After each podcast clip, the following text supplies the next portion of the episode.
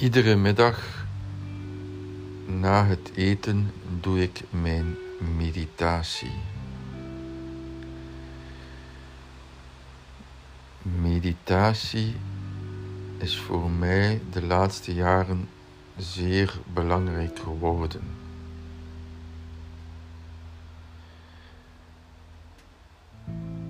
Op aanraden van mijn vrouw die uh, een aantal jaren geleden mindfulness opleiding genoten heeft.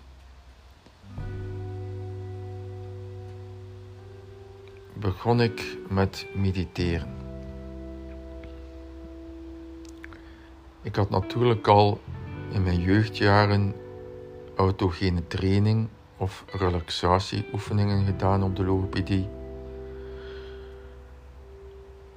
Maar nu wou ik mediteren om ergens meer rust te vinden in mijn leven. Want natuurlijk, als je een drukke praktijk hebt en daarnaast nog een heleboel andere zaken doet, dan is geestelijke gezondheid heel belangrijk. Ik mediteer elke dag ongeveer 18 minuten, wat niet veel is, maar ook niet weinig.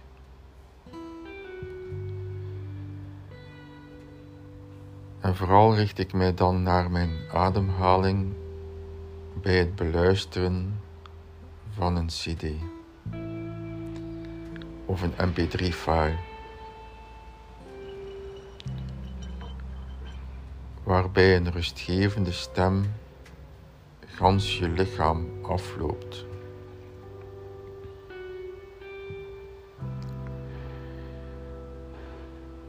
Deze meditatie geeft mij niet alleen rust, maar ook extra energie.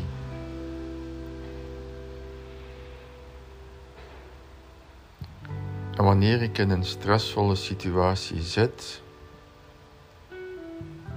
heb ik de mogelijkheid om één minuutje weer te keren naar die ademhaling.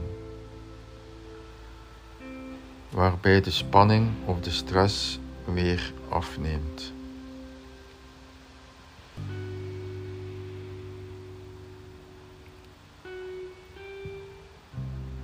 In mijn jeugdjaren had men ooit gezegd: ja, doe eens wat meditatie of doe eens wat yoga.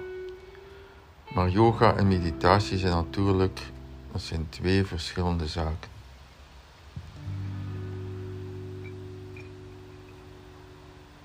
Alhoewel dat er nu wel iets bestaat wat men meditatieve yoga noemt. Waarbij lichaam en geest getraind worden.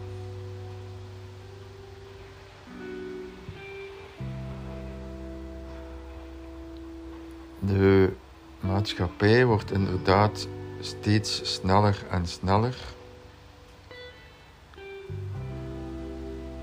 En door meditatie bouwen we een soort immuunsysteem op voor deze rat race. Ik ervaar trouwens die rat race niet meer. Dat is omdat ik meditatie doe.